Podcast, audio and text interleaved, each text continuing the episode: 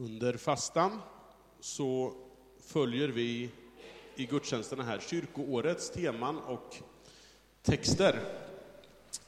Och idag så är det enligt kyrkoåret Marie bebådelsedag. Och Marie bebådelsedag firar vi inte i första hand för att äta våfflor, utan det görs för att högtidlighålla att Maria genom ängeln Gabriel fick veta att hon genom helig ande skulle bli havande med Jesus.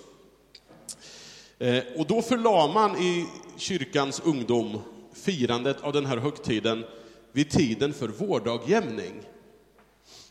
Eh, och det gjorde man därför att man tänkte sig att vid skapelsens början, för väldigt länge sedan, så var dag och natt lika långa. Och en central kristen tanke, det är att i och med Jesus så sker en sorts nyskapelse av världen. Och då såg man det som väldigt klädsamt att lägga liksom tiden för att uppmärksamma att Jesus, eller att Jesus blev till, eh, att man, att man lade då eh, vid årsdagen för skapelsen. Och räknar vi då en graviditet framåt, nio månader, så hamnar, hamnar vi ju vid jul.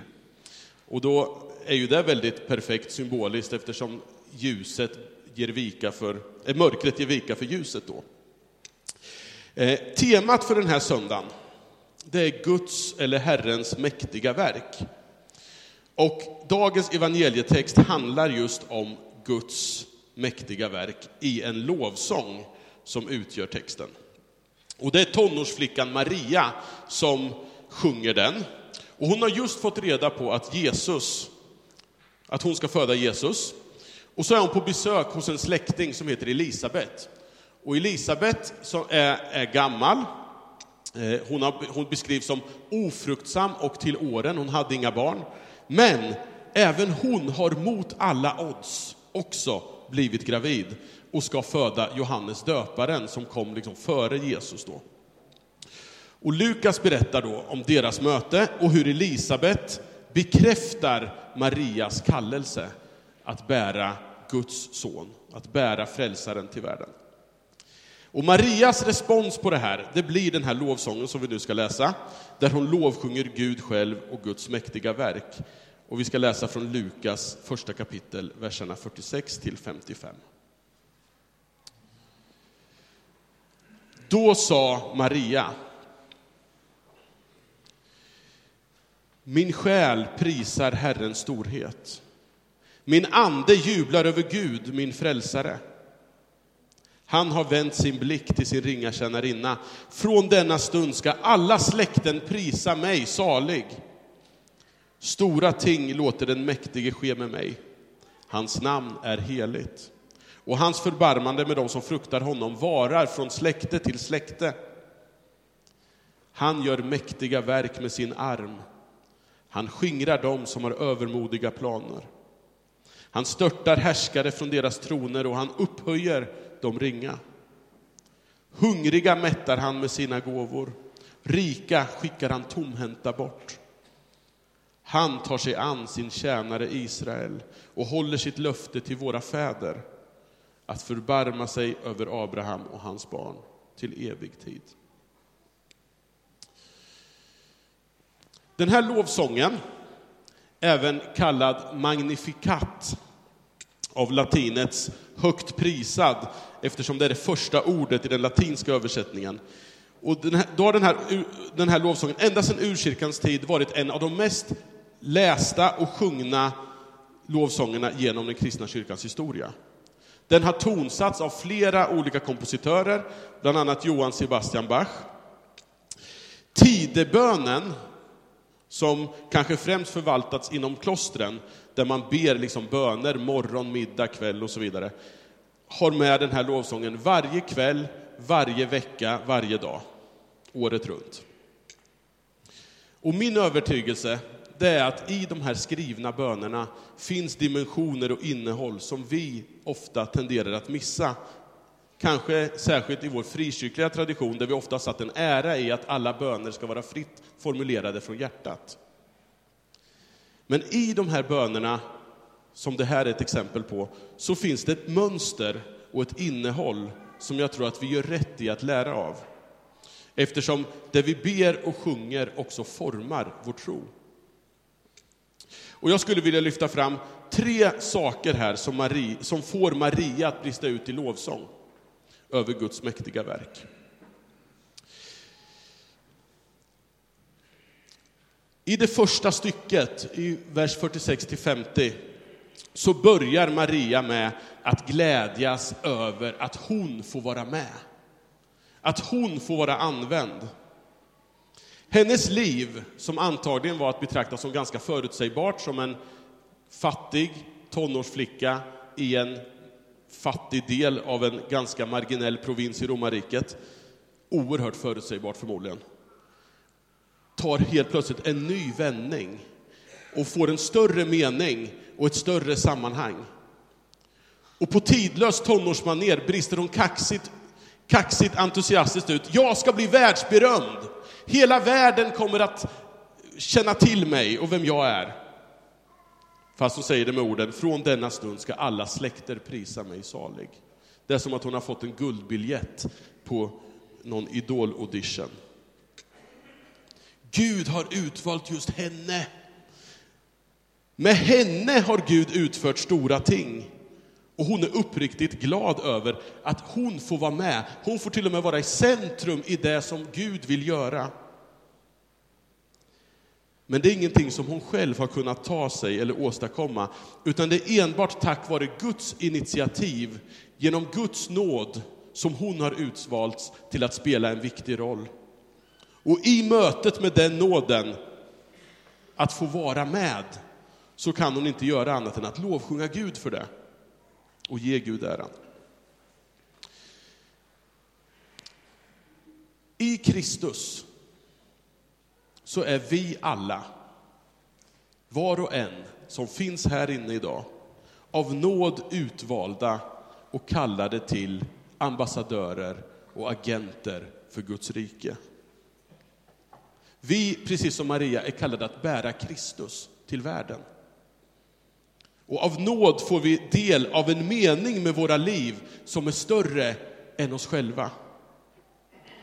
När vi använder det här ordet nåd, ett ganska slitet ord kan man tycka i många sammanhang, så använder vi det ofta för att betona vad vi slipper ifrån. Allt är nåd, så vi behöver inte göra det eller det för att bli frälsta eller bli älskade av Gud. Och det är ju helt sant och en väldigt central sak i vår tro. Att Gud har gjort allting av nåd. Vi behöver inte göra saker för att åstadkomma vår frälsning. Men ibland så har det blivit så att nåden används som ett sorts alibi för att också slippa det här som vi kallar efterföljelse och tjänst. Och nåd utan efterföljelse kallar en teolog som heter Dietrich Bonhoeffer, han kallar det i en av sina mest kända texter för billig nåd. Vi behöver förstå att nåden i första hand inte är nåd från något, utan till någonting. Allt är nåd, så vi får vara med. Vi får följa Jesus. Nådens skillnad, det är att vi inte följer och tjänar Jesus för att bli älskade, för att åstadkomma Guds kärlek. Då hamnar vi i ett religiöst slaveri. Utan för att vi är älskade av Gud. För att Gud har gjort någonting i våra liv. Och i den insikten så kan, precis som i Marias fall, en lovsång födas över att få dela Guds gemenskap och att få vara med och delta i det som Gud gör.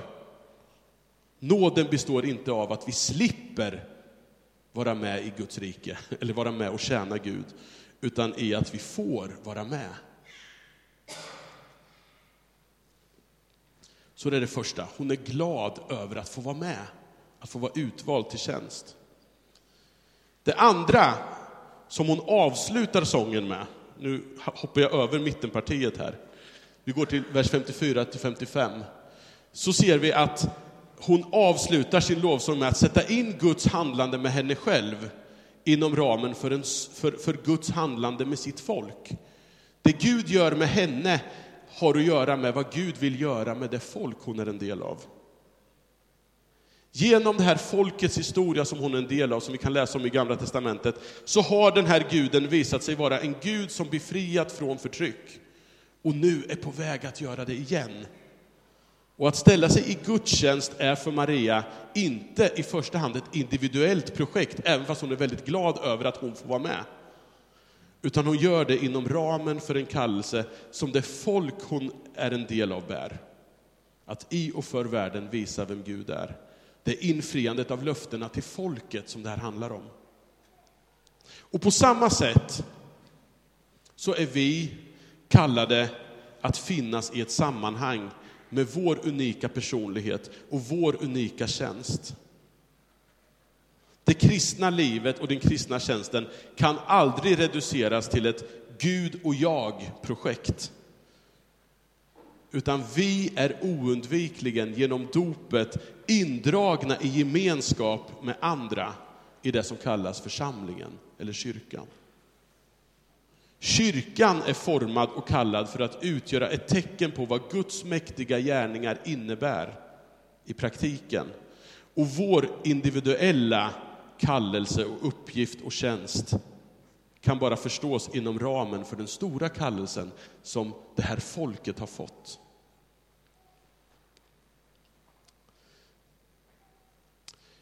Så går vi till mittpartiet. I, det här, I lovsångens mittparti här så sjungs om hur den här nya ordningen som nu kommer att bryta in i och med Jesus ser ut. Den här nya skapelsen som hon har växande inom sig. Hur ser den ut? Han gör mäktiga verk med sin arm. Han skingrar dem som har övermodiga planer. Han störtar härskare från deras troner och han upphöjer de ringa. Hungriga mättar han med sina gåvor och rika skickar han tomhänta bort. Som kristna, inte minst i vår del av världen, så har vi en tendens att tolka evangelierna väldigt andligt. Eh, vi tänker att det, det, Jesus pratar om och det, det som händer enbart rör det inre livet, en sorts existentiell sida av tillvaron. Möjligen livet efter döden, som det också har med att göra i allra högsta grad. Men genom att ensidigt betona de här sakerna så separerar vi effektivt kristen tro från frågor som rör sociala och ekonomiska orättvisor. En hållbar livsstil som vi såg ett drama om här tidigare. Huvudsaken blir liksom att vi har det bra på insidan, att vi mår bra här inne. Och med en sådan inställning så är det i allra högsta grad befogat att, precis som Karl Marx, tala om en kristen religion som ett opium för folket. Eftersom det blir en, det blir en sorts trosutövning som gynnar de som är privilegierade redan och kuvar de som är förtryckta. De håller dem på plats. Glädjebudet till de fattiga blir istället i praktiken glädjebudet till de som redan har allt. Självklart gynnar det också oss västerländska kristna som ur ett globalt perspektiv åtnjuter oerhörda fördelar, inte sällan på de fattigas, på planetens, på djurens bekostnad. Det är en fattig tonårsflicka tillsammans med en hittills ofruktsam överårig kvinna som är de första som får reda på vad Gud är och färdig med att göra. Och som får deras inre att vibrera och bubbla ut i lovsång. Det är inte människor som undrar vilket av de 13 olika klädalternativen de skulle ta på sig när de gick till kyrkan idag eller vilka av de 30 restaurangalternativen man ska passera på vägen hem. Vem har mest att vinna på en ny ordning? Utifrån Magnificat, den här lovsången, så kanske vi behöver inse att det här glädjebudet om den nya ordningen, det som vi kallar för Guds rike eller himmelriket, som är ett glädjebud, det kanske inte nödvändigtvis upplevs som ett sådant eftersom det kanske utmanar dig och mig till omvändelse rörande livsstil och prioriteringar. Den brittiska missionären och teologen Stanley Jones, han har sagt så här. Magnificat är det mest revolutionära dokumentet i världen. Till skillnad från de som tänker att det är ett opium för folket, så säger han, det här är revolutionerande. I det sammanhang Maria finns, i ett ockuperat land där den rika politiska och religiösa eliten skor sig på de fattiga, så kan de här orden hon sjunger inte tolkas på annat sätt än att Gud är och färdig med en revolution som man väntat och hoppats på i flera sekel av förtryck. Evangeliet om Guds rike är, precis som Jesus sen också säger i sin programförklaring, ett glädjebud till de fattiga. På riktigt. Befrielse för de fångna. På riktigt. Och syn för de blinda. På riktigt. Genom hela Lukas evangeliet så ser vi ju hur de rika, hur de etablerade och hur de mäktiga inte uppfattar Jesu ord och gärningar som något positivt. Eftersom han, precis som Marias lovsång antyder, kritiserar det självgoda och självrättfärdiga ledarskapet. Han umgås med, han möter behov hos och upprättar de socialt, ekonomiskt och medicinskt lidande. Guds mäktiga verk, ser vi genom Lukas evangeliet, är varken etiskt, socialt eller ekonomiskt neutrala och knappast möjliga att enbart förpassa till människans insida. Hur vi handskas med våra pengar, hur vi handskas med våra ägodelar, hur vi konsumerar och hur vi hanterar de nödlidande, det är i allra högsta grad andliga frågor. Gud är en Gud som ständigt rör sig neråt och som har valt sida. Våra mäktiga verk handlar ofta om berömmelse, om egen ära i en uppåtgående rörelse. Jag vill bli stor. I och genom Jesus så visar Gud sina mäktiga verk genom att röra sig ner. Och Guds människoblivande, som vi påminns om idag, det är ju det ultimata uttrycket för den här annorlunda rörelsen som han själv sätter ord på och som han också vill dra med dig och mig i. Vi läste ju inledningsordet nyss här. Sen kom de att tvista om vilken av dem som skulle anses som den största. Lärjungarna är helt inbegripna i den här uppåtgående rörelsen. Vem av oss är störst? Och då säger Jesus, kungarna, de uppträder som herrar över sina folk. De som har, och de som har makten låter kalla sig folkets välgörare. Men med er är det annorlunda. Den störste bland er ska vara som den yngste och den som är ledaren ska vara som tjänaren. Den nya ordning, det rike som Maria sjunger om, har genom Jesu liv, död och uppståndelse upprättats och visat sig vara verklig. Så ser evigheten ut.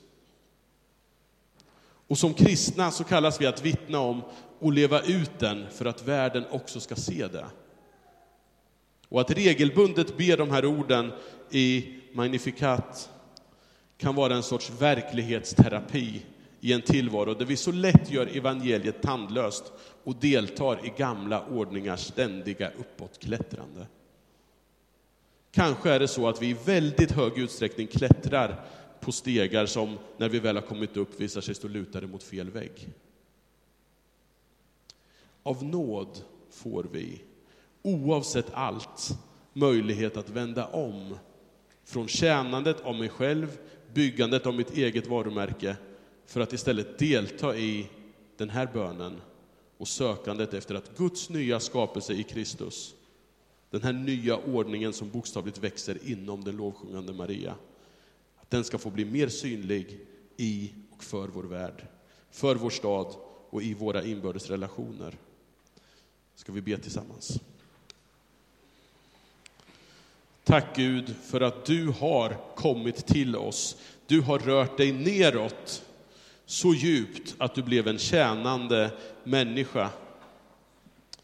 Och i likhet med Maria, Gud, så vill vi tacka dig för att du av nåd har utvalt oss till gemenskap med dig och tjänst för dig i ditt rike. Och vi vill tacka dig för att vi får vara del i kyrkans gemenskap och uppdrag. Och vi vill tacka dig för att den nya ordning som du har banat vägen för genom Kristus är en verklighet. Hjälp oss och vägled oss med din Ande till ett liv som vittnar om den nya ordning av fred, rättvisa och frihet som ditt rike innebär. I Jesu namn. Amen.